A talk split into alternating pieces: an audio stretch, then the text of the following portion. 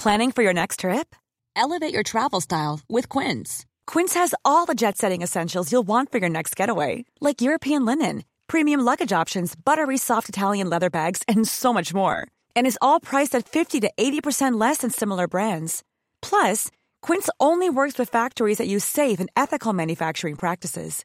Pack your bags with high-quality essentials you'll be wearing for vacations to come with Quince. Go to quince.com slash pack for free shipping and 365-day returns.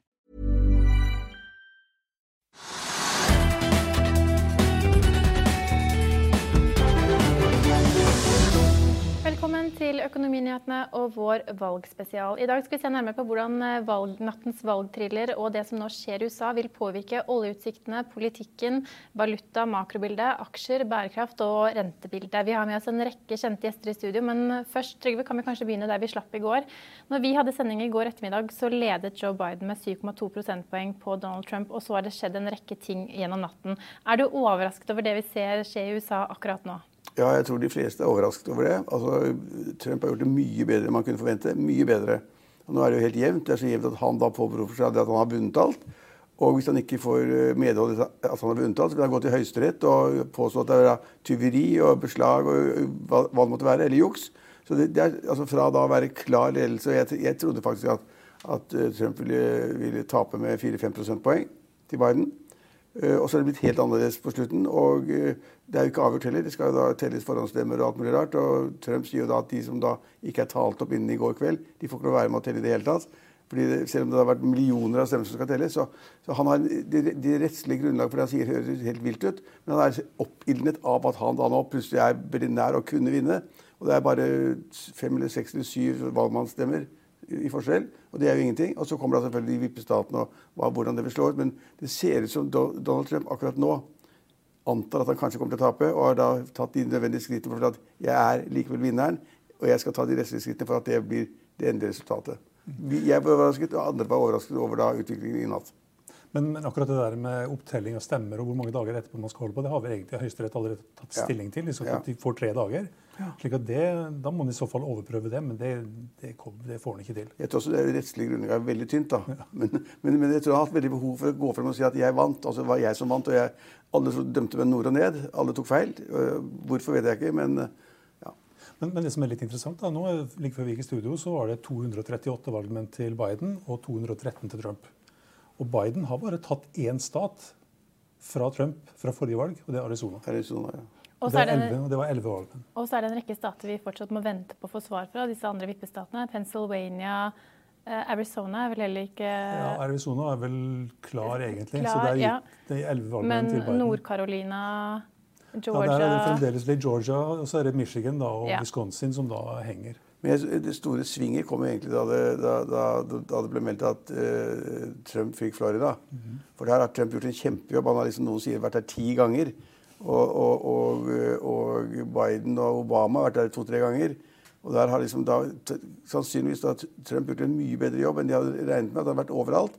Og så har han også da sannsynligvis fått en del av de kvinnene som han trodde bare ville stemme mot ham, på sin, sin side. Og dermed så fikk de liksom Florida. Og da det ble meldt ganske tidlig på Fox News, så syns jeg jeg fått en sving i at det kunne skje. Og da, da ja. Men, men, men så tok han Arizona, som du sa.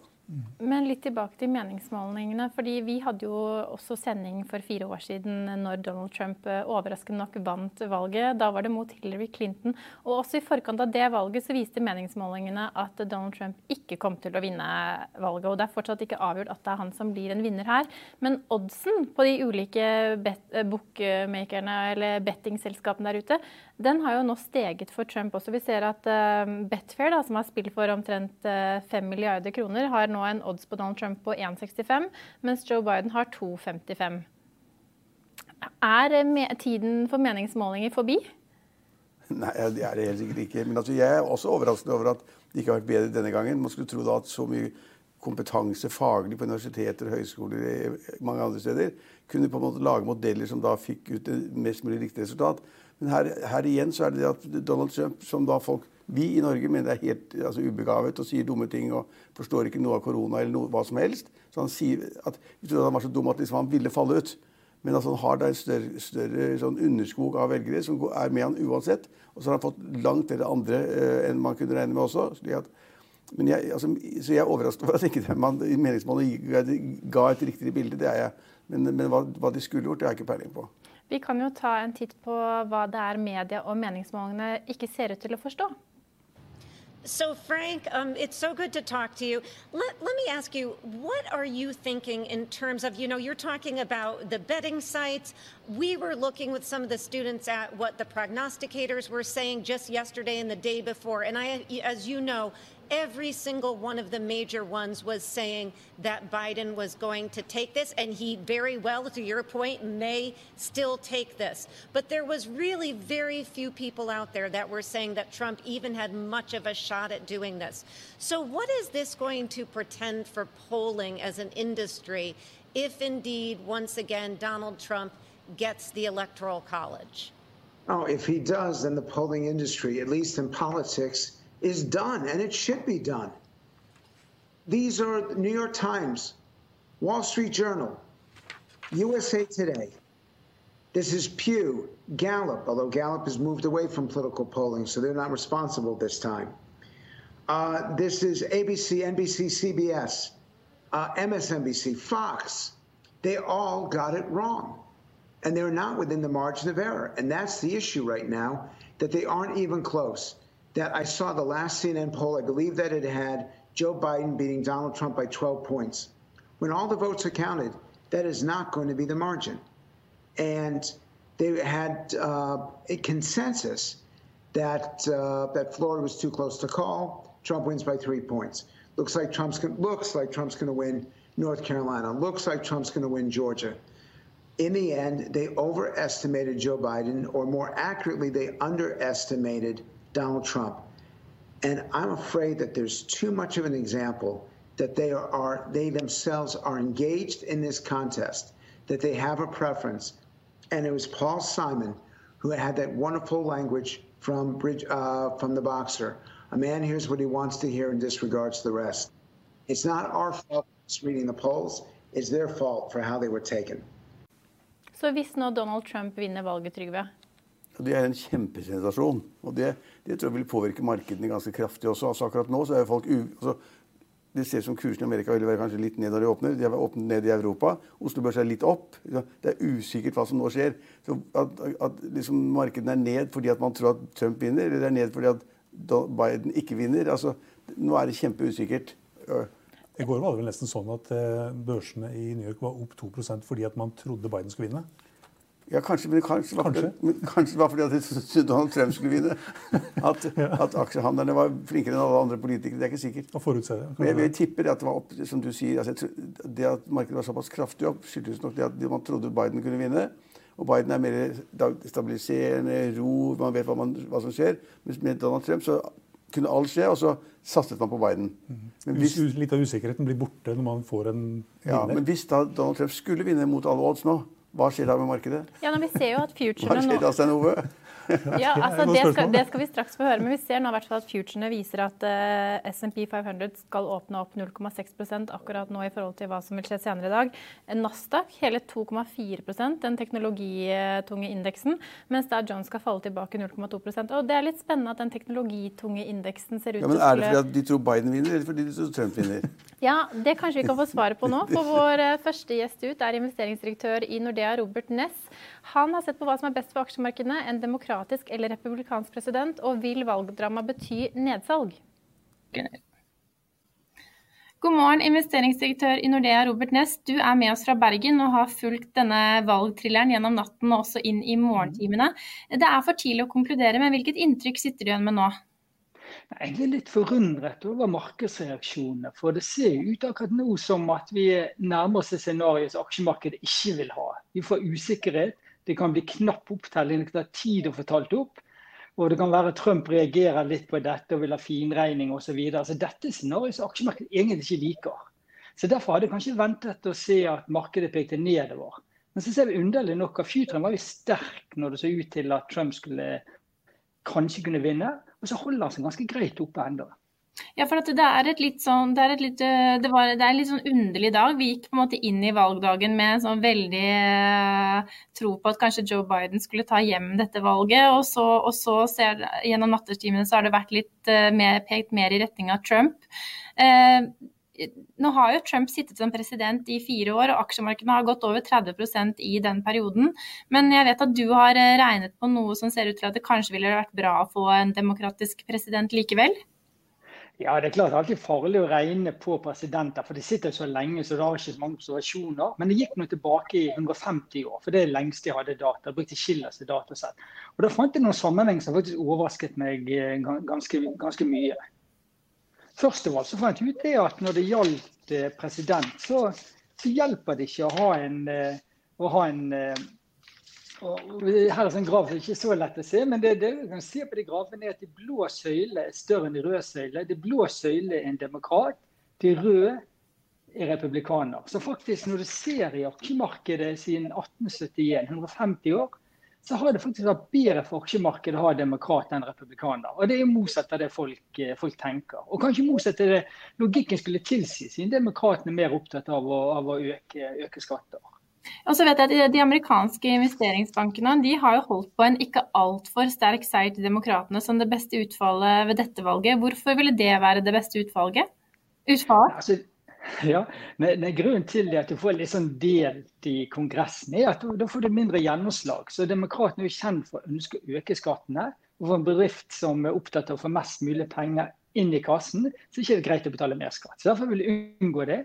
Så da er tanken at Får du en demokratisk styresett, men ikke så sterkt, så kan de si at de ønsker å få øke skattene, men det får de ikke til. Så Derfor er liksom en liksom del kongress regnet som det beste i aksjemarkedet. Så jeg har regnet på det, og der fikk jeg også veldig overraskende, overraskende tall. Ja. ja. ja. Ja, Der viser den grafen her. og Da ser vi den der lille grønne. Dette er avkastning. og det ser vi enten så er det full svip. Den der røde er bare republikanerne. De alltid har både Kongressen og presidenten. Det blå så er demokratene som har alt. Den grønne så er, så er, Kongressen samlet, men det er en ulik president. Og så har vi den eh, lille helt til venstre, hvor du har en delt kongress. Altså Huset og Senatet tilhører forskjellige. Og Det har faktisk vært den svakeste avkastningen. Det som aksjemarkedet nå sier er det optimale utfallet, har faktisk historisk vært eh, det mest negative. Og, det eneste som virkelig skiller seg ut. Og, og hvis, med det vi vet i dag, eh, tør du å spå hva, hvor aksjemarkedene Det at det vil nå være en usikkerhet, helt åpenbart med tanke, tanke på at vi ikke enda vet hva, hvem som vinner eh, valget, og hvordan det vil bli avgjort med disse stemmene som skal telles og statene som skal avgjøres. Eh, tør du å spå hvordan aksjemarkedet vil bevege seg fremover hvis vi nå får et gjenvalg av Trump, eller, eller en dramatisk periode før det blir Joe Biden? Ja, jeg vil jo tro at en dramatisk periode er, er negativ. For du har usikkerhet, og du har også frykten for at Trump vil be om å fintegne ting, fintelle ting og kanskje si nei, men jeg vil ikke gå for dette, for tallet kan ikke du stole på. Så kan du få en veldig lang prosess som, som ingen ønsker. Men, men klart ser du på futuren i dag, så er den opp for det brede markedet drøy halvprosent og, og nærmere 2% for teknologiaksjene. Og det stemmer ikke med det scenarioet, så det forundrer meg veldig. Så jeg tror faktisk skulle fulgt Futon som normalt gjør, så ville sagt dette er bra for markedet, men jeg tror egentlig ikke på det. Jeg tror denne situasjonen her med usikkerhet er negativ for markedene, så jeg tror det er fare for at den, den Futon peker nedover, og at det blir negativt for aksjemarkedet. Nå går mot en ny periode med Trump som president. Eh, ser du noen åpenbare sektorer som vil eh, få en ny oppsving? Altså, igjen, Hvis vi går på det historiske, så svarer nei. For her ser vi blå demokrat, rød republikaner i alle de to store, ti store sektorene. Og, og, det er egentlig veldig, veldig liten forskjell. Det, det som vi ser mange markedsaktører er opptatt av i natt, det er at liksom, dette er bra for teknologi. fordi at uh, de kjøper noe, uansett en ny mobiltelefon, du er på nettet, uansett hvor ille ting ser ut. Sånn at de greier seg uansett. Det er iallfall stemningen i markedet. Ehm, men, men klart det letteste av alt er å gjette på at eh, det som fungerte under Trump, fungerer videre òg. det er litt mer de, de vekst, eh, vekstbaserte. Men klart, det, det, er veldig, det, det, er veldig, usikkert. Egentlig, det riktige svaret er å si at det er veldig vanskelig å si en sammenheng. På kort sikt så kan nok vekstaksjer bli hjulpet av, av, Trump. Og om det blir Joe Biden, da. Han vet vi vil øke skattene. Han vil eh, ha en annerledes utenrikspolitikk. Han eh, er en klimaforkjemper, i hvert fall i større grad enn Donald Trump. Ja, han er det. Så da er det kanskje Du kunne sagt de grønne aksjene går bra, men de har jo for så vidt gått veldig, veldig bra nå også. Det vi så en tendens til i går, når det så ut til å bli Biden, var egentlig en ganske bred oppgang. Du så litt mer sånn, eh, interesse for, for verdiaksjene og litt mindre til vekst. Så Hvis det mønsteret gjentar seg, så får det mer normalisering kanskje i aksjemarkedet med Biden, og litt eh, og hvor de, de, mer tradisjonelt gode aksjene som verdiaksjer kan, kan, kan begynne å komme litt tilbake igjen. Du forvalter jo milliardsummer, eh, Robert. Men, men, har dere gjort noen endringer, eller har dere mm, i lys av dette presidentvalget, eller er det en forbigående hendelse som eh, og korona eller andre ting er viktigere akkurat nå? Ja, klart Valget er, er, viktig, men det er vanskelig å, å, gjette på utfallet. Og det er vanskelig å vite hva som er konsekvensen av utfallet. Så det er veldig, veldig mye usikkerhet her. Så når vi forvalter, så ser vi mer på det tradisjonelle. Liksom, hvilke selskap tror vi kommer til å tjene mer penger i årene fremover, og hvilke tror vi er hyggelig priset i forhold til de som er dyrt priset. Så det er ingen aksjer som peker seg ut som kandidater som bør plukkes på gaten, da, i, i lys av den natten og den morgenen vi har nå? Nei, altså, det, det, det, det er veldig usikkert nå. Sant? Så Hvis du skulle tenke som ekstremt kortsiktig, så kunne du si at ok, sånn som du, ser med Future og med Nasdaq, at vekstselskap de greier seg uansett.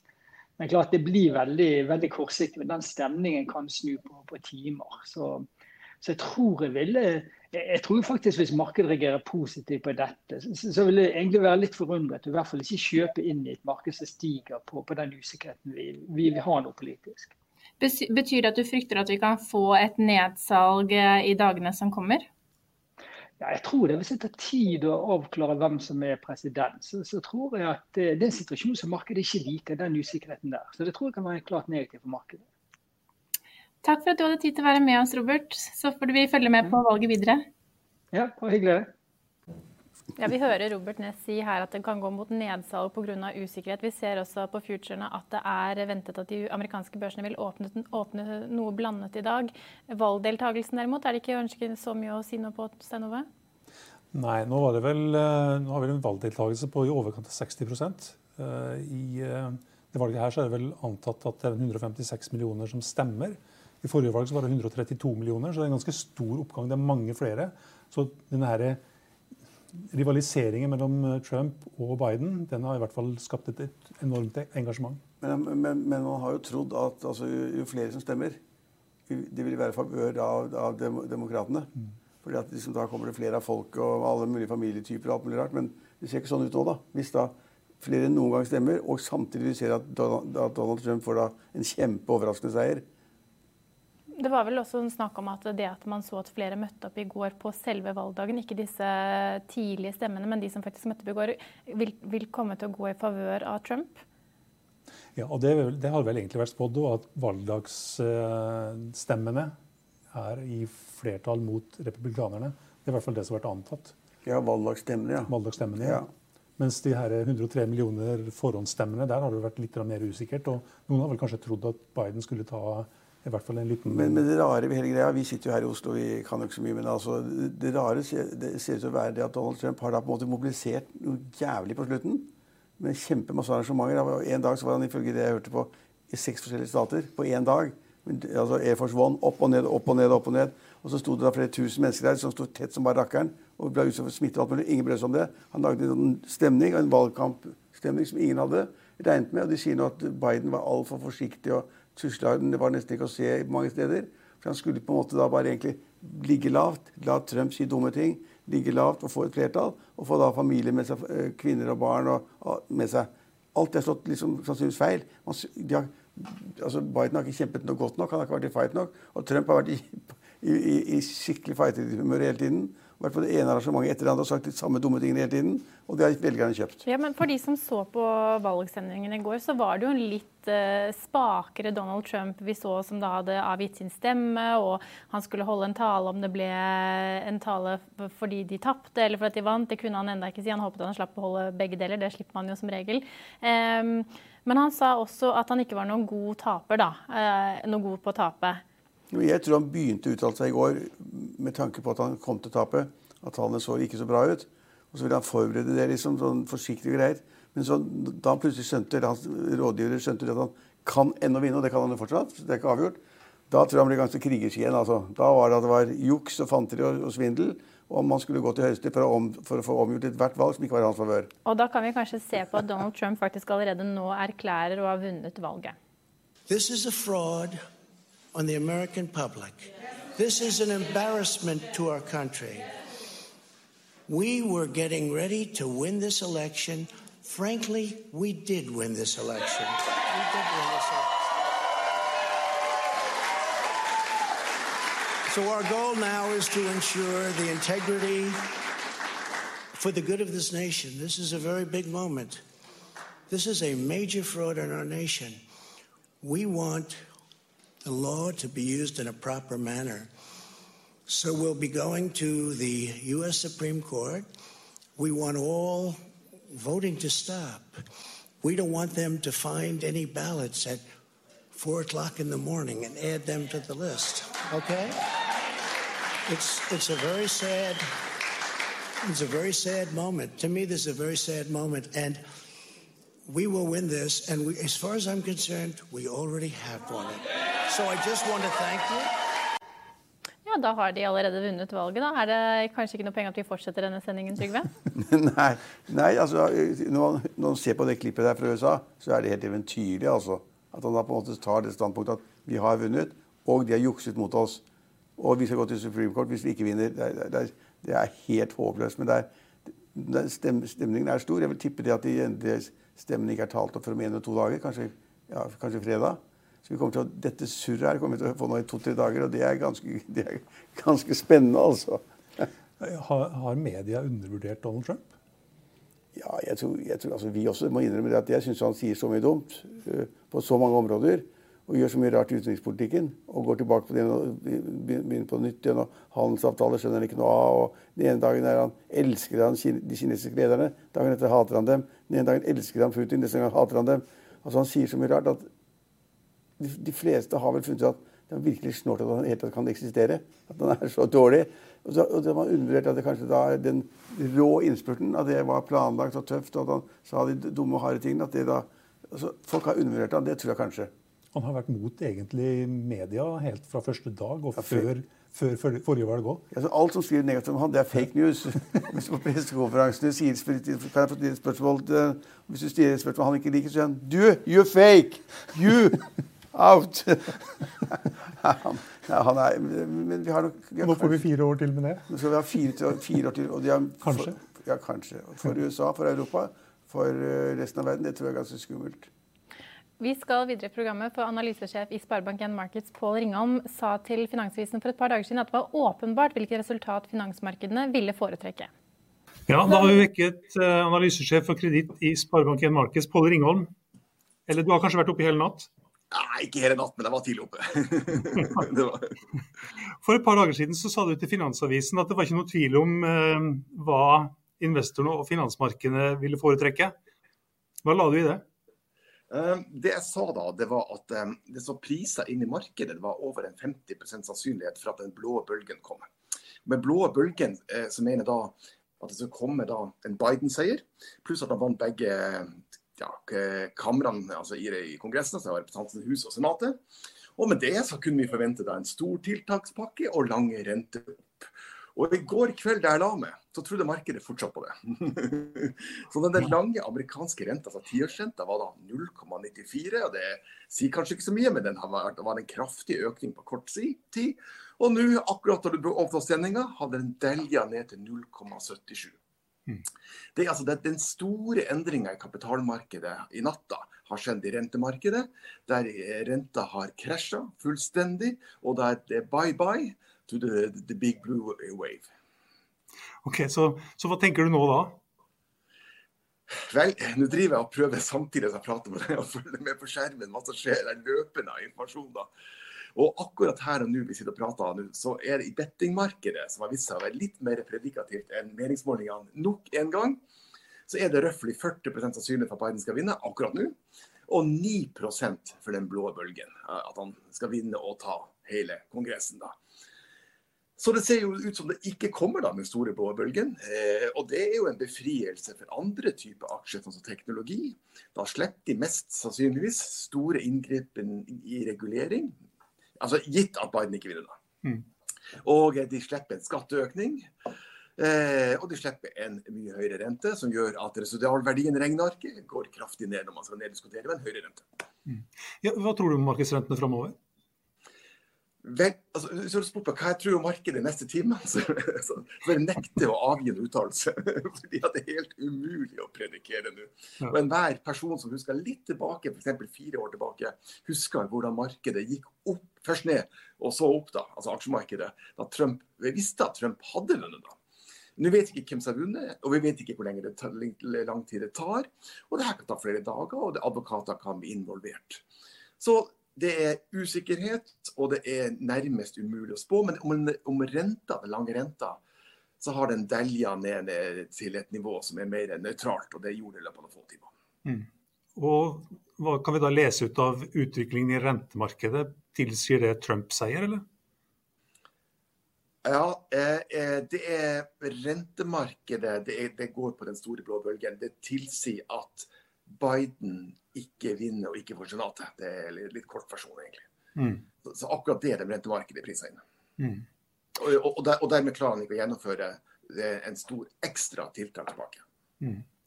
Børsen i New York steg jo 2 i går. Var det fordi investorene trodde at Biden ville vinne? Eh, ja, det gikk til dels var det relatert til det. da. Bl.a. blant annet gikk bankaksjer ikke bra i går. da. Og bankaksjer i USA går typisk bra når rentekurven blir, blir, blir, brattere. Altså den lange renta blir enda mer høyere enn den korte styringsrenta. Den sistnevnte er null. da. Så eh, til dels var det priser inn det, eh, men det er det ikke i dag. Hvordan tror du børsene vil åpne i dag, da? Nei, for jeg, jeg kan ikke jukse. Da, Gitt at du fremdeles ikke har et endelig resultat? Nei, jeg så at Future rett før vi startet her var ned i Europa. så Det får være den første retninga. Og derifra ut så, så det er umulig å spå. Eh, time for time her. Altså, det er, så vil det være så sensitivt på ikke minst informasjon på delstater som Georgia og eh, de store sinkstater som etter hvert da, Pennsylvania. Men der kan det ta litt tid før vi har mer informasjon. Ja, Noen sier at det ikke kommer før på fredag, men eh, det kan jo tenkes at eh, valget er klart før fredag. Det kan også tenke at valget ikke klart på fredag. Jeg kan tenke at, at rett og slett at noen mener at noen har stjålet valget. Mm. Som en på talerstolen nettopp sa. Ja, Donald Trump er jo klar for å møte demokratene i retten, hører jeg så. Ja, det var det han eh, var godt inne på her i stad, for en par minutter mm. siden. Så det her er høyst uavklart. Mm. Har dette her uavklarte valget noe å si for norsk økonomi sånn på kort og mellomlang sikt? Ikke på kort sikt. På kort sikt har de ikke det. Eh, på det neste år så vil jo så var jo postulatet da at eh, kom Biden eh, større finans, bruk av finanspolitikken, så ville det støtte mer opp under global vekst. da. Så det kan ha noe å si, det, på, eh, si på litt mellomlang sikt. Mm. Har kundene dine begynt å ringe deg ennå, eller? Sorry? Har kundene dine begynt å ringe deg ennå? Eh, de, de, det er nye tider. De kommer på mail isteden. Så, så de, de har begynt på mail. hva, hva sier kollegaene dine i Sparebank1 Markets? Fordelen med hjemmekontor er altså, at altså, de kan jeg ta på mail, da, men uh, de er jo uh, også tror jeg de få her på prate med i dag, er lett overraska over det som skjer. da. Mm. Takk skal du ha, Pål. Ja, så Til tross for usikkerhet rundt hvem det er som nå vinner dette presidentvalget, så ser vi nå at europabørsene er opp en kvart prosent. Trygve. Betyr det at markedene er lettet over at det går mot en avklaring i det minste på hvem som vinner valget, eller betyr det nå at det kanskje ikke blir så ille å få Trump som president jeg tror, likevel? Jeg tror ingen, uh, ingen mener at det er avklart. Altså, jeg tror alle er veldig usikre på om det blir Biden eller Trump. Så der er det som for en time siden. Men det kan tenkes da, du kan tolke det litt, at da hvis europabørsen er opp litt, en kvart prosent, at man ikke syns det er så ille at Trump vinner allikevel, som man kanskje trodde i går. Så det er liksom litt lettelsessukk og så en liten lettelsesoppgang, kanskje. Vi hører Pål Ringholm nevne denne teknologisektoren som han tror vil fortsette å gå hvis Trump vinner presidentvalget. Og vi ser jo at, eh, da, nei, at Nasdaq ligger an til å åpne 2,5 i dag. Eh, hvorfor er det bra for teknologisektoren? Nei, Det er vel det som har vært antatt, at eh, hvis Trump vinner og de beholder flertallet i Senatet, så vil det fortsette som i dag. Det kommer ikke noe økning i skattene. Og teknologiaksjene har jo vært vinnerne i den perioden, i hvert fall de siste par årene. Og med, et, ja, med en situasjon da, som er som før, så vil det da sannsynligvis være bra for teknologi. Og det er også fordi at eh, teknologi har vært vinneraksjene hit så langt. altså Tech-aksjene. Det er de som har dratt markedet. Amazon og Netflix eller uh, Apple. Apple og hele Fang-aksjene. Det er de som har vært de store, de som har dratt markedene. Og da tenker man kanskje at hvis det fortsetter, så er det positivt. Og så tenker man ok, Trump er ekspansiv, alt skal se fort, uh, ingen skatteøkninger. Kanskje de tidligere har vært redde for at disse store selskapene skal splittes, at Apple er for stort, at de må gjøre noe med det. At Amazon er for stort, må gjøre noe med det. Man at Hvis Trump blir sittende, så blir det ingen, ingen, ingen oppdeling av de store selskapene. og De har rimelig gode skatteforhold og kommer til å beholde pengene sine i utlandet. Så akkurat nå tipper jeg det at folk blir ikke Biden, blir det Trump. Det er kanskje ikke så dumt, det. Og så er det heldig litt over å safe det ved å, holde seg, med de aksjene. Ja, Da kan vi jo kanskje bevege oss videre til oljeprisen. For i går når vi hadde sending, så hadde oljeprisen steget 3 dollar til om lag 40 dollar. I dag morges så var vi nede igjen på rundt 39 dollar, og nå er vi over 40 dollar igjen. Og Utfallet av presidentvalget vil få en direkte effekt på oljepris på kort, men også lengre sikt. Vi skal over til råværsjef og sjefsanalytiker SEB, Bjarne Schjelderup. God morgen. Dette er Bjarne Schjelderup, SBs eh, oljeanalytiker i SB. Eh, det er onsdag 4.11., eh, dagen etter det amerikanske presidentvalget. Alle stemmene er Eh, langt fra tellet opp enda, og, og, sånn sett rent matematisk kan man si at man vet ikke hvor utfallet havner. Markedene tror likevel på en Donald Trump-seier. og Grunnen til det, det er at vi ser en systematisk forskjell mellom hva meningsmålene indikerte så sent som søndag, med eh, klar seier til, Trump, nei, til Biden både i Pennsylvania, Florida og Arizona. Og så ser vi da at eh, Donald Trump går av med seieren i flere av disse rett ut. Og Markedene priser da inn en forventning om at denne systematiske forskjellen mellom meningsmålinger og utfall også vil være gjeldende for resten av USA når det teller opp. Det er vel det dette slipset indikerer, hva markedene tror og, og hvorfor. Um, um, vi ser at oljeprisen falt jo 10% forrige uke, mer enn 10% ned til 37 dollar og litt på redsel for spredning av C19 og nedstengninger i Europa. Eh, men, men, eh, Europa er jo allerede på et veldig lavt nivå eh, oljekonsummessig og er også en, en, mindre del av global oljeetterspørsel, så den redselen var nok overdrevet. Så, så langt denne uken ser vi at oljeprisen er opp 8,5% 2,4% så langt i dag. kanskje litt på Donald Trump, men det er nok også mye grunnet at OPEC pluss er ute og snakker om at de skal holde nåværende kutt også inn i første kvartal. Og vi ser videre sterke tegn til at det nok kommer til å bli utfallet. Og det har vi jo egentlig holdt en knapp på ganske lenge, at det blir utfallet. Eh, Istedenfor å øke oljeproduksjonen med 1,9 millioner fat. Så Det gir jo støtte i markedet. Vi ser også at, at amerikanske oljelagertall indikativt eh, i henhold til American Petroleum Institute i går kveld eh, falt eh, råoljelagerne i USA med 8 millioner fat, mot normalt at de stiger 2-3-4 millioner fat på den tiden av året. Eh, så det er veldig positivt også for oljeprisen.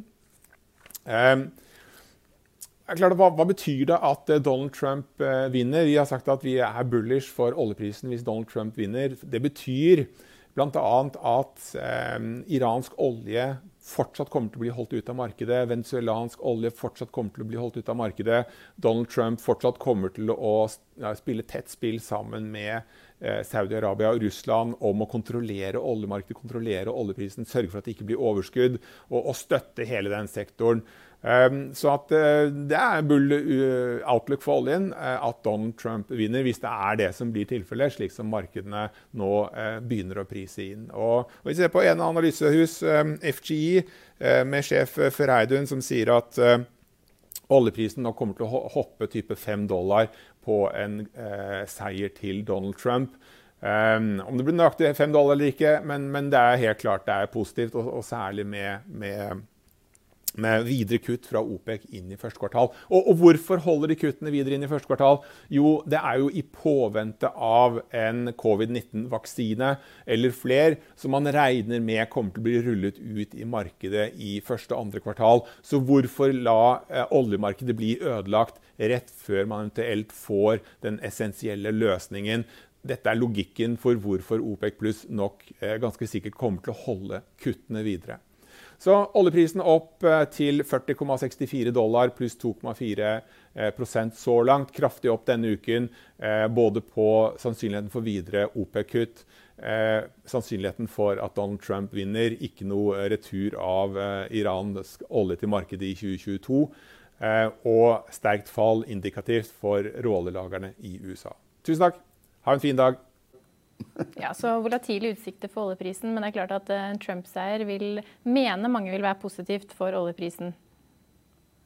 Jeg syns det er veldig vanskelig å svare på. da. Altså, Hvorfor det, liksom? Altså, ja, altså hvis, unnskyld. Hvis veksten i, ver i, verden blir større, hvis altså ledigheten går ned og alt blir litt bedre, så vil da på en måte, og med Trump så vil da det også kunne påvirke da at etterspørselen etter olje stiger, og kanskje man får kontroll med tilbudssiden og sånn. så det kan kanskje være bra for oljeprisen, men det er ja, på, på den annen side så vil jo Trump være pro disse her som driver med utvinning av olje i Midtvesten. Ja. Tilbudssiden kan bli for stor. Nettopp. At, det, at den vil fortsatt være stor pga. Ja. det, blant annet. Da. Og at han vil være mer pro å fortsette utvinning av olje og kanskje satse mer på det. Mens kanskje Biden hadde vært mer grønn og ville ha prioritert vindmøller og solceller og men det synes jeg er et veldig godt poeng at han da kunne være den mann som kunne få liksom tilbudssiden til å være, holde seg oppe eller øke, samtidig med at etterspørselen i verden kanskje går ned. Fordi flyene går ikke. De står på bakken, og bilene går ikke. De står stort sett på bakken.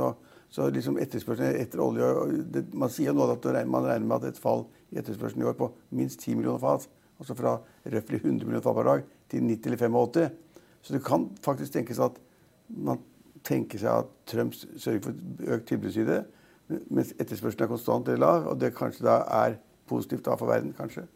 En annen ting andre enden av det, for eksempel, det er jo, Hvis du ser på da Biden og den potensielt grønne bølgen det kunne gitt, så så vi at Tesla steg jo 6 i går. Kanskje man trodde at eh, Biden ville sparke i gang eh, den elektriske bilbølgen i USA? Ja, Han har sett dem vil investere i flere grønne jobber, mer grønn teknologi. Ja. Det er lettere å si enn å få gjort, da. Men du må jo gå til valg på noe, og Donald ja, ja. Trump har jo egentlig ikke gått til valg på noe annet enn at hør her, dere kan beholde meg.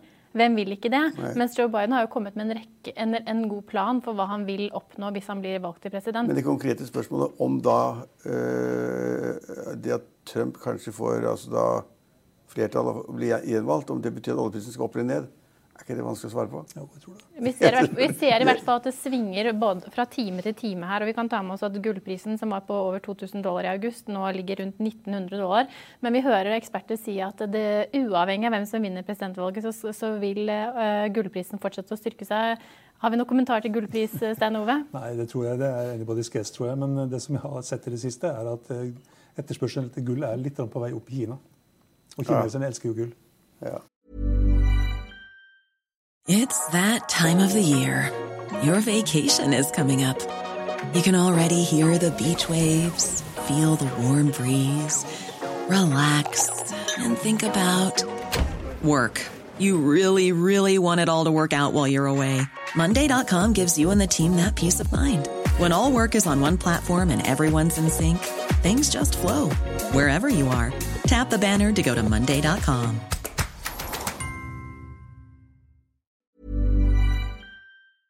I'll see you in court. Vi sier det ofte litt på spøk, men for deg som driver business, er det aldri moro å innse at du ikke har laget en 100% gyldig kontrakt. Du bør ikke risikere hele firmaet ditt fordi du synes dette med kontrakter er litt stress. En avtale er ikke en avtale. Du kan miste kunder, miste venner, ja, til og med miste inntekter om du ikke lager en skikkelig kontrakt, på alt mulig, egentlig. Men vi vet det er et styr kopimaskiner, tregprinter og haugevis av papir. Dessuten stoler vi jo på folk her i landet. Det er ofte litt kleint å skulle be om en signatur for alt mulig, ja, for mye av styret handler også om jakten på underskriften. Det finnes en enkel måte å løse dette på. Dukkobit. En trygg, effektiv og get this, gratis måte å sikre seg en god natts søvn pluss en juridisk bindende avtale. Dukkobit-appen har de strengeste sikkerhetskrav i bunn, samt en EU-godkjent og sertifisert teknologi. Framover vil det bli behagelig å spørre du, skal vi skrive under på det, eller? Kom i gang på dukkobit.no.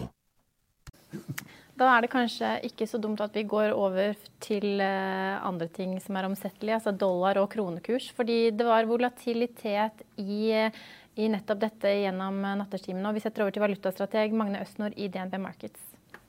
Ja, valutamarkedet reagerer vel kanskje egentlig som, eh, som forventet. Eh, det vi jo vet så langt, er jo at det er uavklart. Og at det potensielt kan ta en stund før, før valgresultatet er avklart. Vi vet jo også at Trump allerede bestrider valgresultatet, eller erklærer seier i en rekke stater som er, er usikre. Så vi har jo fått bekreftet det, et av de scenarioene vi så for oss på forhånd, nemlig at her blir det en, en lengre periode med forhøyet usikkerhet.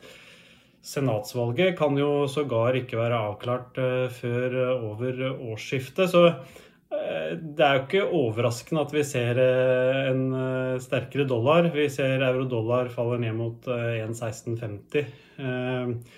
Vi ser en svakere norsk krone i dette bildet, det er heller ikke spesielt overraskende. Og vi ser, ser en japansk yen som også styrker seg. Så Sånn sett, i hvert fall sammenlignet med kanskje reaksjonen i aksjemarkedet, så syns jeg valutamarkedet reagerer her som man kunne ventet. Og det er klart, med, med en lengre periode her hvor, hvor, det, hvor usikkerheten holder seg høy, så det, må vi vente at krona også holder seg på den svake siden.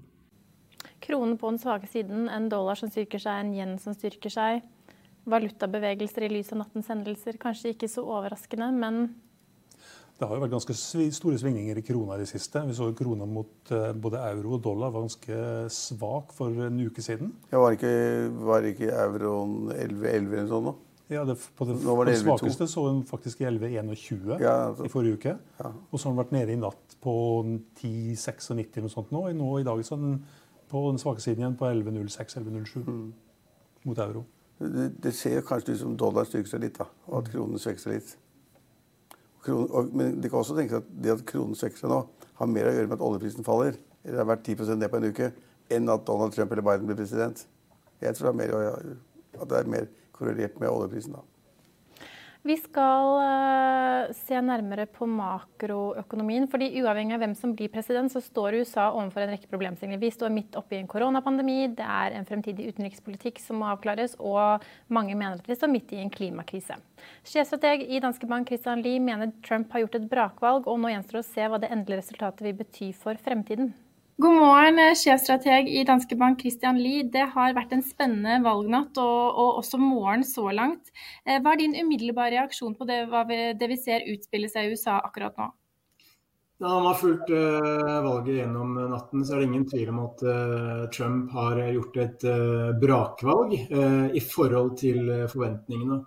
Og nok en gang så kan man jo stille spørsmål ved meningsmålinger Eh, spillmarkeder osv., som hadde jo forespeilet en ganske klar eh, Biden-seier. Men eh, det ser ikke ut til å, skje, og enn så lenge så er valgutfallet faktisk uklart. Men det er ingen tvil om at så langt så er det en veldig, veldig positiv overraskelse for republikanerne og for Trump. Ja, fordi Meningsmålinger og også mediedekningen de har jo gått langt i å, å nesten på forhånd kåre Joe Biden til å bli valgets uh, vinner. Og så, og så, får vi denne turnaround holdt jeg på å si, nå under valgnatten. Hva er det vi uh, utenforstående, eller vi som ikke sitter tett på, på den amerikanske politikken, forstår? Ja, Det er et uh, veldig godt spørsmål. Jeg må innrømme jeg klødde meg sjøl i, i, hodet i, i natt over det samme. Men eh, jeg tror at én eh, eh, forklaring kan være at det ikke bare er republikanerne som har økt valgoppslutningen sin denne gangen, men også at det er langt flere republikanere som også har stemt. Og så skal vi ikke undervurdere det enkelte har spekulert i gjennom denne valgkampen, at når disse meningsmålingsinstituttene ringer, så er det en del Trump-tilhengere som har en lavere tilbøyelighet til å ta telefonen og svare eh, enn det demokratiske eh, stemme, eh, velgere har. Og Det kan gi en, eh, en skjevhet i meningsmålingene som det er vanskelig for meningsmålingsinstituttene å gardere seg mot. Uavhengig av utfallet, så er det noen åpenbare utfordringer USAs eh, neste president vil stå overfor. Vi har en koronapandemi, helsepolitikken er ikke helt eh, avklart, økonomi og arbeidsløshet, vi har raserelasjoner og politiet, innvandring, USAs utenrikspolitikk og klimakrisen. Eh, hva tror du presidenten vil ta fatt på først, og hvorfor det, hvorfor, hva blir det viktigste punktet av disse, mener du, i forhold til hvordan USA skal samhandle med resten av verden?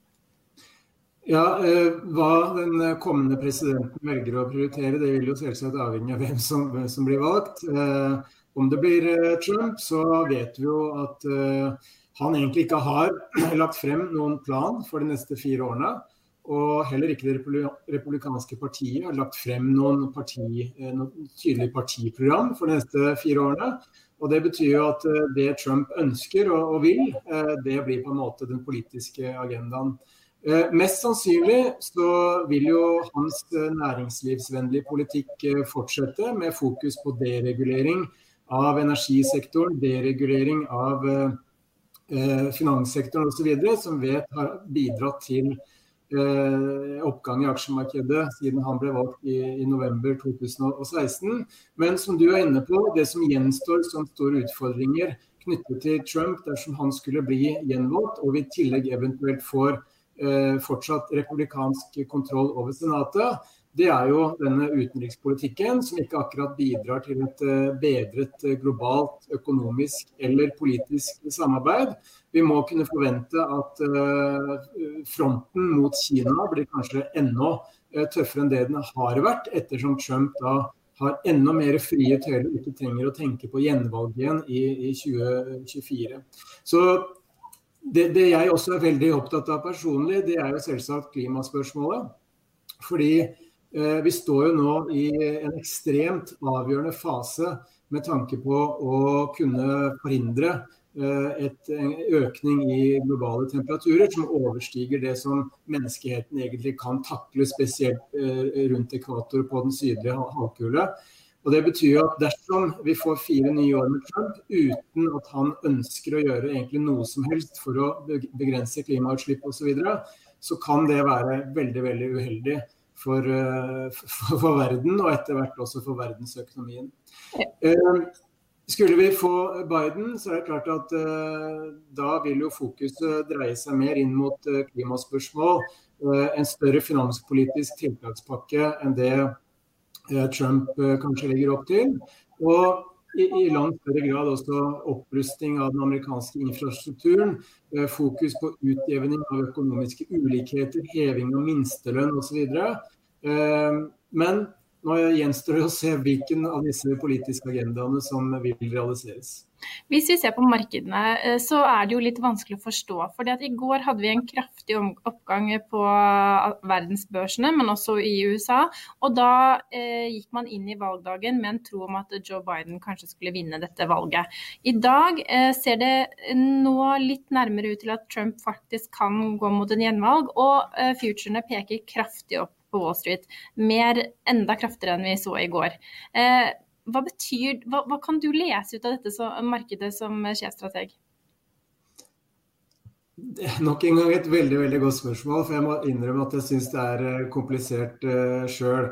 Uh, det som var liksom hypotesen uh, før valgdagen nå, som du er inne på, det er jo at man skulle få en tydelig Biden-seier, og at sannsynligheten også var størst for en såkalt blå bølge. Dvs. Si at uh, demokratene også skulle overta kontrollen over Senatet. Uh, og, det, og, det, vil utløse en, en, ganske vesentlig finanspolitisk stimulans, kanskje allerede i første kvartal. Og at det ville løfte uh, vekstimpulsen i amerikansk økonomi, og kanskje også inflasjonspresset i amerikansk økonomi.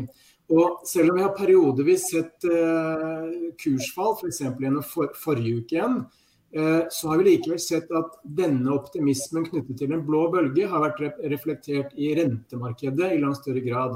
Både gjennom at den amerikanske tiåringen faktisk steg gjennom den perioden hvor aksjekursene falt, men også gjennomgående at rentekurven i USA har blitt brattere. Og Det er jo et, et signal om at aktørene i obligasjonsmarkedet tror på en blå bølge, og at det kan gi en større finanspolitisk stimulans. Men når vi da også så, som du er inne på, at aksjekursene steg ganske kraftig i går, eh, hvor meningsmålingene fortsatt viste en god ledelse og høy sannsynlighet for Bidens seier. Altså, nå skal vi huske på at enten vi ser på eh, 538 eller vi ser på The Economist eller vi ser på Super Forecasters, som vi har kikket på, eh, så har alle vist mellom 80 og 96% sannsynlighet for at Biden ville vinne. Og Det er klart det eh, kan være en refleksjon i de kursoppgangene som vi så i amerikanske aksjer de to siste dagene. Men når vi da ser at futures på SMP nå er opp 0,6% og valgutfallet er helt i det blå, kanskje med en liten bias mot Trump-seier, eh, så er det klart at da er det vanskeligere å se den sammenhengen. Eh, men, men, det man da kan lese ut av det, det er jo at markedene kanskje vil være fornøyd med et uh, ryddig valgutfall nesten uansett hvem det blir. Uh, og Trump vet vi kommer til å fortsette å ha fokus på en næringslivsvennlig uh, politikk. og kanskje også teknologisektoren. Vi så jo futures på Nasdaq stige mer enn futures på SMP. Og Det kan jo være et eh, tegn på at man kanskje ikke frykter regulering av teknologisektoren på samme måte eh, ved en Trump, ny Trump-regjering som ved en Biden-regjering. Men dette er, dette er, utfordrende å forstå, altså. Så de som fryktet et kraftig nedsalg, de blir kanskje lettet? Ja, det ser i hvert fall sånn ut uh, enn så lenge. Uh, men det vi ser ørsmå tegn til, det er jo en liten sånn risikoaversjon i, i, rentemarkedet og også i den amerikanske dollaren. For vi ser dollaren styrker seg litt i, i morgentimene. Og vi ser også at den amerikanske tiåringen har falt uh, tilbake ned mot 0,8 igjen. Så selv om futures eh, er drøye 0,5-0,6 opp, så er det også tegn til en litt avventende holdning i deler av finansmarkedene. Takk for at du hadde tid til å være med oss, så får, vi, får du følge med videre akkurat som vi, vi kommer til å gjøre. Bare hyggelig. Ja, og hvis vi ser på hva som skjer i Norden, Trygve, så Oslo Børs opp 0,7 Stockholm-børsen opp 0,7% Vi ser eh, positive utslag på København-børsen. Helsinki derimot er helt flatt. Men hva, hva, kan vi lese ut av det som ja, det de nordiske spennende. børsene tolker det? Dette er ganske spennende, fordi at børsene er entydig opp. Ikke veldig mye, men altså litt i underkant av 1% Og det er basert på det at de fleste nå tror at Trump kanskje vil bli sittende som president. Og da da sier man altså det at Trump er bra for markedene, det er bra for næringslivet, det er bra for skatter og avgifter. altså Det setter vi litt, setter vi litt penger på. Og børsene er opp pga. det, det tror jeg. Men var du selv på en valgvake i går? Vi har jo fått uh, rapporter fra en rekke investorer der ute som samlet uh, Hadde Betalen hadde egen valgvake, hadde han ikke det? Jo, og det hadde han vel også sist, ved forrige valg. Hadde ikke du bilder av det? Nei, det florerer vel bilder gjennom uh, medier der ute. Men, men, men, men, det er klart at hvis norske investorer holder valgvake for Trump, så, så, er det kanskje ikke så rart at Oslo Børs stiger litt nå? Nei, men de holder valgvake med Trump? Ja, i, i, altså tror på Var det Trump-valgvake? det var ikke valgvake, altså? Hva? Trump-tilhengere som hadde fest? Ja. Jeg kan tenke meg det at Spetalen er da klar i favør av Donald Trump. Det vil jeg si. Og mange av de investorene han har rundt seg, er vel også da ganske sterke Trump-tilhengere. Fordi at han er liberalistisk og fri og tøffere, og ja, at han er høyre. Men, men, men, men, det er interessant, for å oppsummere det, at børsene er litt opp nå, det er fordi at man da tror at Trump kommer til å bli gjenvalgt. Ja, og hvis børsene er litt opp... Og hvis han ikke blir gjenvalgt, hvis det plutselig kommer nye tall her, så vil kanskje da børsene falle litt. fordi at da det er mer skatter og avgifter under, uh, under Biden, og det er litt usikkerhet om liksom, offentlig sektor og hva det skal. Så nå tror markedet på at Trump vinner. Ja, og Da gjenstår det å se hva forvalter Stig Myrseth tror. For han har nok sittet limt i skjermen og sett om han finner noen umiddelbare muligheter i aksjemarkedet. God valgmorgen. Dette er Stig Myrseth. Akkurat nå er det veldig jevnt i USA. Det sies ofte at hvis Biden vinner, så blir det skatteøkning. Hvis Trump vinner, blir det handelskrig. Det finnes likevel ett scenario hvor du kan unngå begge deler. Hvis Biden blir president og tar kontrollen over utenrikspolitikken, så slipper vi handelskriger. Men hvis det republikanske partiet klarer å beholde kontrollen over Senatet, kan de blokkere skatteøkninger. Det er mitt personlige valgutfall. Og det at det er jevnt nå, øker sannsynligheten for et slikt utfall, etter min mening. Når det gjelder Oslo Børs og finansmarkedene, så vil valget selvsagt være viktig, men mye er allerede indiskontert og er ingen konkrete anbefalinger basert på valgresultatet alene. Det som jeg anbefaler derimot å følge nøye med på, er vaksiner. Eh, sannsynligheten er stor for at minst én koronavaksine vil få nødgodkjenning i USA innen utgangen av året. Og Når det skjer, så vil vi se at vi er på vei mot en normalisering, en gjenåpning av økonomien. Og Da vil selskaper som tjener på det, få en reprising, etter min mening. Mine tre toppcase på Oslo Børs akkurat nå er Aker BP, som gir en dividendavkastning på 7% og som et fint spill på høyere oljepris i 2021. Will Wilhelmsen Holding, som handles med en veldig stor rabatt i forhold til underliggende verdier, og som også gir en eksponering mot shipping og en bedring i verdensøkonomien. Og til sist Kongsberg Gruppen, som både har en spennende digital satsing, og som i tillegg er syklisk eksponert. Og med det vil jeg avslutte. Takk for meg. Da fikk vi noen aksjeanbefalinger på tampen der. Eh, ikke i lys av presidentvalget, men i lys av heller smittesituasjonen og vaksineutsiktene og, og hva som er attraktivt av aksjer der ute. Ja, men Han tror da det at det kommer en vaksine ganske raskt. Det er mange som tror det, men de fleste har feilet hittil. Det blir litt treigere enn de sa. Det skulle komme i oktober, november, og skulle kanskje komme i januar osv. Men det er litt skutt frem i tid alt sammen. Men han har virket veldig optimistisk på det, og da hadde et valg av aksjer basert på det. Ja. Så skal vi se på det politiske spillet som foregår i USA akkurat nå. For vi har med Sigbjørn Aanes, som i mange år har vært kommunikasjonssjef i Høyre, statssekretær og en av Erna Solbergs nærmeste rådgiver. I dag er han partner og rådgiver i First House. Vi skal sette over til Aanes for en politisk kommentar på det som utspiller seg i USA akkurat nå. Dette ble en langt større valgtriller enn både meningsmålerne og ekspertene trodde i forkant. Ingen tvil har uh, Donald Trump gjort en helt vanvittig valgkamp og innspurt, uh, og gjort dette langt mer spennende enn en spådd i forkant. Uh, på morgenen nå norsk tid så gikk også presidenten ut og, og sa at de prøvde både å stjele valget og lova at dette kommer inn i amerikanske rettssaler. Og Det er på mange måter noe av det verste som kunne skje, var nettopp at dette ble jevnt at du får en splittelse og en uenighet om resultatet. Presidenten har til og med også erklært seg som valgvinner egentlig før han har noe grunnlag for å gjøre det. Eh, og det er ganske splittende både i USA, og det kommer til å bli noen utfordringer knytta til det fremover. Dermed så må vi leve i spenning ei god stund framover. Uh, uansett hvem som ender opp som vinner til slutt, så er det ikke noe tvil om at eh, det har vært en enorm valgdeltagelse og interesse for dette valget i USA. Eh, og det skjer noe i USA som mange i Europa nok ikke helt får med seg og forstår når vi ser den enorme eh, mobiliseringa som også Trump har, har klart å få til. Det er ingen tvil om at hvis Biden eh, ender opp som eh, president, så vil nok mange europeiske ledere se på det som en lettelse, og de gruer seg nok til en fortsettelse dersom Trump skulle, skulle ta, ta, dette til syvende og sist. Men det får vi ikke vite før om ei god, god stund. Trump har visst at det å drive en god valgkamp det har faktisk en eh, stor effekt. Eh, det er imponerende en mann på 74 år som har reist rundt på den måten. Eh, for de som har vært i en valgkamp, det å ha fem såkalte rallies, store folkemøter hver dag, det er enormt slitsomt. Og han har på mange måter også fått gevinst for det gjennom det vi har, har sett i som var resultater fra flere viktige stater. Spesielt den store seieren i Florida, som, som er veldig, veldig imponerende. Men alt er usikkert ennå.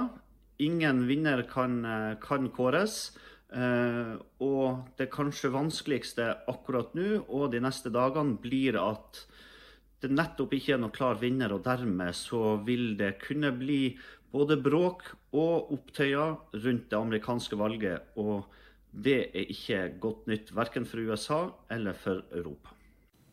Nei, Det er urolig akkurat nå, men vi hører uh, Sigurd Aanes si her at det har vært en uh, imponerende innspurt av Donald Trump. og Han har holdt uh, valgmøter og reist rundt på turné og holdt folkemøter. Og det til tross for at han akkurat har blitt friskmeldt av korona. ja, han har vært syk i hvert fall. Det kan vi være enige om. Han var ikke veldig syk? Skal ikke fleipe med sykdommen. Nei, han var ikke, åpenbart ikke veldig syk. Eller, eller, som mange har spekulert at han fikk bedre medisiner og tøffere medikament, altså medikamenter. Sånn cocktail av medikamenter som ingen tør snakke om, som bare har slått til. Det er noen som sier at liksom det han fikk, burde alle få. Som da får den sykdommen. Det, det kan være. Og det har han vel lovt òg, at alle sammen skulle få det? Ja, ja, men ikke akkurat den dosen som han fikk. da.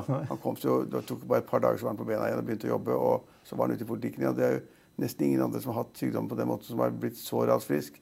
Det, det, sies at han har, har fått av medisiner som andre ikke får.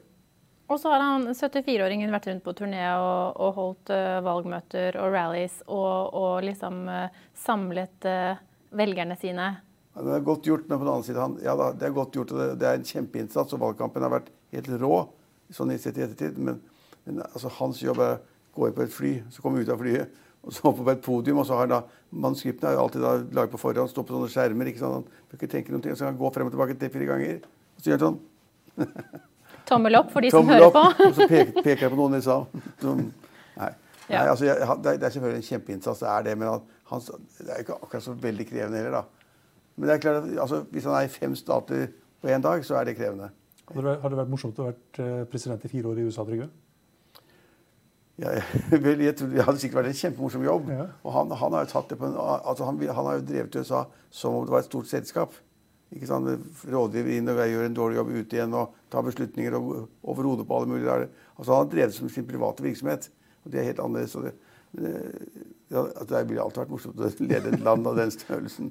Men det har blitt spekulert i hvordan de to neste månedene nå vil bli, nå som vi har en litt sånn uavklart situasjon her. Eh, og det kan også bli, ta lengre tid før vi får det endelige resultatet. Og skulle det ikke bli Donald Trump, hva tror dere den sittende presidenten vil finne på i to måneder før han eventuelt må gå av? Vil, det bare, vil han tilbringe tiden på golfbanen, eller? Han vil finne på mye rart. Han vil si mye rart. Og det vil øke usikkerheten i finansmarkedet ganske kraftig. for at man hva han sier, hva gjør han, og så er det ikke klart. ikke sant, og så Hva gjør Biden, og når kommer resultatet? og Hver eneste dag vil det komme nye uttalelser. Og, og, og, og, hvis det er helt, helt uklart, så vil da Donald Trump hver dag sørge for at hans image i markedet blir bedret, og at han blir, han blir lurt, han blir svindlet. Han blir, alt, alt, er så fælt. og det, det, det vil skape masse politisk uro. og vi vet i, ja, altså, Han har sagt det sjøl, han er en veldig dårlig taper. Ja, det er han helt sikkert også. Han jukser på golfbanen nå, sies det. Men, men, vet dere hva, skjer, hva, som skjer hvis det blir uavgjort? 269? Men de har de regler for. Ja. hva var de reglene? Ja, Da blir det representant, eh, altså representanten i huset som skal avgjøre hvem som blir president. Representant, representant ja. ja. Og i Senatet der skal man bestemme hvem som blir visepresident. Ja. Det kan bli gøy. Og i Senatet har da, etter tallene foreløpig, så har jo da har Trump flertall. Republikanerne har flertall i Senatet men ikke flertall i, i, i Representantenes hus. Vi, hører, vi, ser i bakgrunnen her at Wall Street avventer eh, det endelige resultatet. Det gjør vel strengt talt alle? Ja, men Wall Street avventer. Altså, poenget er at markedet kommer til å gå som opp og ned som var rakkeren i dag. Basert på forventninger, hva man tror og hvilken kunnskap man har. Så Markedet løper opp og ned hele tiden. i De blaffene hva politikerne gjør. Men, liksom... men, mens Oslo Børs da er opp, så ser det ut som at vi får en blandet børsåpning på Wall Street om et par timers tid. En ja. sektor som kanskje kan bli en eh, taper, eller et eh, område som kan bli en taper hvis Trump vinner, det er vel bærekraftsektoren. Eh, og bærekraft er viktigere enn noen gang. Vi har hørt flere forvaltere peke på at valget mellom Trump og Biden er et valg mellom fossil og fornybar fremtid. Og skal vi høre Oi. hva Tina Saltvedt, som er analysesjef for bærekraftig finans i Nordea, tenker om det hun ser i USA akkurat nå. God morgen, eh, Tina Saltvedt. Du er jo sjefanalytiker i bærekraftig finans i Nordea. Og det har vært en spennende natt, og også morgentimene har, eh, har bydd på spenning i lys av dette presidentvalget vi nå har i USA. Hva er eh, din første reaksjon på det vi er vitne til nå? Jeg var ganske bekymret for at meningsmålingene også denne gangen skulle være litt for optimistiske, kan vi si. I hvert fall for eh, min del, som håper på at Biden skal vinne dette valget. Eh, jo, derfor så tenkte jeg heller at jeg sitter ikke oppe hele natta og ser på dette, for da blir skuffelsen så stor og, og ergrelsen så stor når man følger opp eh, dette når valgresultatene kommer inn. Så det var vel litt som fryktet, egentlig, at det er et fryktelig close race. Og det vil vel sikkert ta tid før vi får de endelige resultatene. Hvis vi ser i lys av bærekraft, så er det jo to motpoler vi står overfor, med Joe Biden på den ene siden og Donald Trump på den andre siden. Hva betyr det for eh, den grønne bølgen? Ja, Det her kan jo ha ganske mye å si, fordi at eh, altså, Donald Trump har jo fjernet en god del av de klimareguleringene, altså mer enn 100 klimareguleringer som har vært eh, på eh, amerikanske bedrifter og eh, i miljøet. Sånn at de har jo fått, Bedriftene har jo fått mer tilgang til nettopp å, å kunne områder, ikke minst, men også mer altså, fritt leide til å gjøre ting som har vært eh, skadelig for klimaet. Der har jo Biden sagt at han ønsker større innstramninger. Eh, så det er klart at eh, det er ganske stor forskjell på disse kandidatene. Han vil vel sikkert da prøve å gjeninnføre en del av de reguleringene som eh, da Donald Trump har fjernet. I tillegg til at han har sagt at han kommer til å være ganske offensiv når det gjelder da å innføre altså strengere klimareguleringer, rett og slett.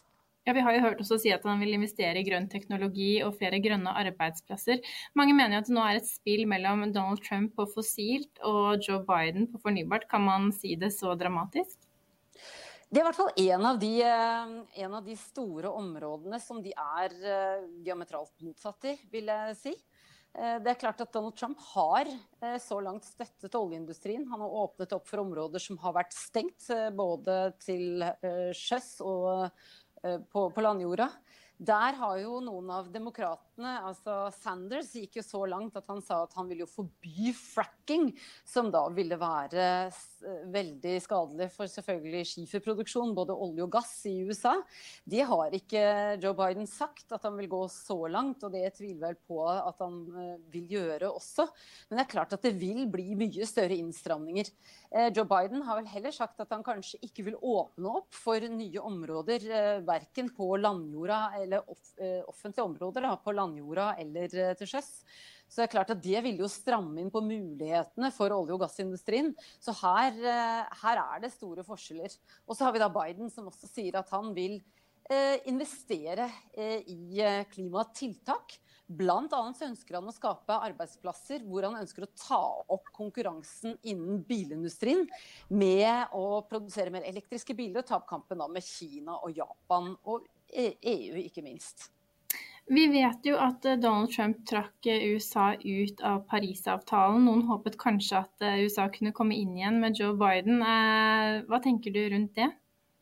Ja, Blir Joe Biden valgt til slutt, så tror jeg nok at han vil prøve å få USA tilbake inn i Parisavtalen. Eh, det har jo vært en bred oppslutning om det. Eh, USA var jo en av eh, de ledende for at faktisk denne avtalen skulle komme i havn under, i Paris. De gikk jo inn med en avtale med Kina i forkant som gjorde at det var lettere å få med en del av de andre landene. Nå har jo Kina sagt at de ønsker å ha en mye mer offensiv klimapolitikk. Og jeg tror nok også at USA da vil følge opp igjen Parisavtalen. Vi har jo sett flere av delstatene har ønsket å gå tilbake til eh, klimaavtalen, eh, selv om da de på føderal grunn ikke har ønsket det. Ditt eh, spesialområde er jo bærekraftig finans eh, i Nordea, men du har jo også en bakgrunn som oljeanalytiker. og Vi så jo eh, store utslag på oljeprisen i går. Man må vel kunne kalle en tredollars oppgang et større utslag. Vi er fortsatt på nokså lave nivåer, men hva, hvor viktig, eller hvilken innvirkning vil, ha, vil utfallet av presidentvalget ha for oljeprisen, tror du? Jeg tror at Ofte så følger jo oljeprisen også litt hva som skjer i aksjemarkedene. Og sånn sett så har jo ofte da eh, en Trump, altså en positiv eh, nyhet rundt Trump det har jo ledet til en eh, oppgang i aksjekursene. Og det er jo rett og slett fordi at han har brukt mye penger. Han har en, altså en, en politikk som gjør at han også bruker mye penger og ønsker å stimulere ikke minst næringslivet. Eh, I tillegg så har jo Trump også vært positiv til eh, oljeindustrien. De har jo vært en av hans viktigste støttespillere og også stått for og støttet hans kampanjer. Sånn at vi har jo sett en oppgang nå, og det er nok eh, litt skyldes kortsiktige nyheter med oljelageren som faller mer enn ventet. Men det andre er jo selvfølgelig at han har vært og er positiv til å hjelpe oljeindustrien fremover. Så en nervepirrende natt, kanskje ikke helt eh, foreløpig gått eh, den retningen man skulle ønske hvis man er eh, som verden nå er, inni en, eh, inni en grønn vind. Men, eh, men, er du fortsatt eh, optimistisk til at, kan, at det er for tidlig å konkludere? Ja, altså det er jo fremdeles flere stater som skal telle opp. Og det kommer sannsynligvis ikke i dag heller, så vi kan jo ikke ha gitt opp håpet helt. Eh, men det er jo betydelig mindre forskjell enn det i hvert fall meningsmålingene har lagt opp til de dagene i forkant her. Og eh, det blir eh, uhyre spennende å se når man kan konkludere med hvilket sluttresultat man får. Men sånn sett så er det godt å se også at innen de grønne energiformene i USA, så har man jo klart å, å øke produksjonen. Man har klart å øke, eller eh, mye av faktisk teknologien kommer jo fra USA. Se på elbiler f.eks. så er jo Tesla det er jo et gjennombrudd fra, fra USA, og amerikansk teknologi. Så det vil jo selvfølgelig fortsette denne trenden, fordi at man skaper arbeidsplasser i denne sektoren. Eh, og kullsektoren har jo falt kraftig under, under president Trump, selv hvor mye støtte han har gitt dem. Men det er klart, vi ville gjerne ha tilbake USA i Parisavtalen. Takk for at du hadde tid til å være med oss fra morgenen av. Takk. Ja, og da nærmer vi oss slutten på sendingen. Det er disse vippestatene som nå blir avgjørende. Vi så i bakgrunnen her at Pennsylvania så har Trump nå overtaket på Biden. Ja, og det har vi egentlig hatt det lenge. Og her er det 20 valgmenn det står om. Og I de to andre statene som ligger ved siden av, Michigan og Wisconsin, så er det totalt 16. Så her er det 46 valgmenn. Uh, og står det igjen. Og, ja, og, vinner de tre, da trenger han ikke mer enn 11 til. Da har han 270. Så du tror fortsatt at Trump kan vinne? Ja, jeg vet ikke hvordan det er i de andre statene, men foran de 46 ja, så øker sannsynligheten. Tror du det? Det ser sånn ut. Ja, Det er jo ganske spennende, for det er ingen andre som har trodd. Det er jo altså en sjokkerende, altså, Denne natten i dag tidlig har vært sjokkerende for mange. fordi at det var veldig få som, Trump, som trodde at Trump ville bli gjenvalgt. Veldig få. Og så Alt snudde seg i løpet av natten og at han mye mer støtte enn folk trodde. Han, hans valg har vært tøff og god, sannsynligvis. Biden har vært slapp og dårlig. Og plutselig så står vi i en situasjon der vi ikke vet noen ting, kanskje ved fredag.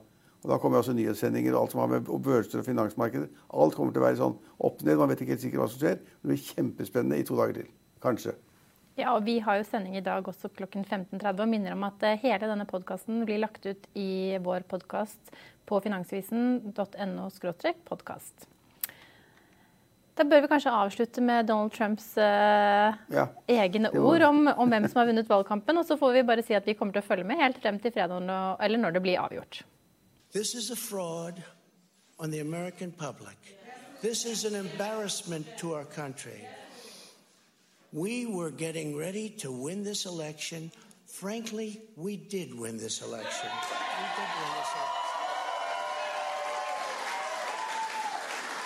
So our goal now is to ensure the integrity for the good of this nation. This is a very big moment. This is a major fraud in our nation. We want the law to be used in a proper manner. So we'll be going to the U.S. Supreme Court. We want all voting to stop. We don't want them to find any ballots at four o'clock in the morning and add them to the list. Okay? It's it's a very sad it's a very sad moment. To me, this is a very sad moment, and we will win this. And we, as far as I'm concerned, we already have won it. So I just want to thank.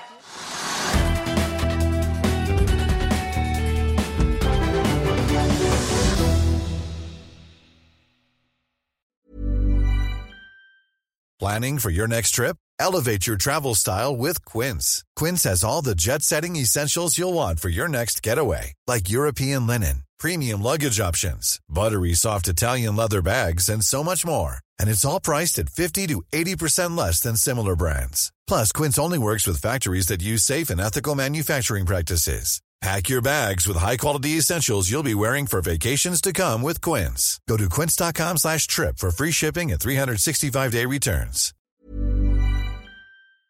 Økonominyhetene er en podkast fra Finansavisen. Programledere er Marius Lorentzen, Stein Ove Haugen og Benedikte Storm Bamvik. Produsenter er Lars Brenden Skram og Bashar Johar. Og ansvarlig redaktør er Trygve Hegnar.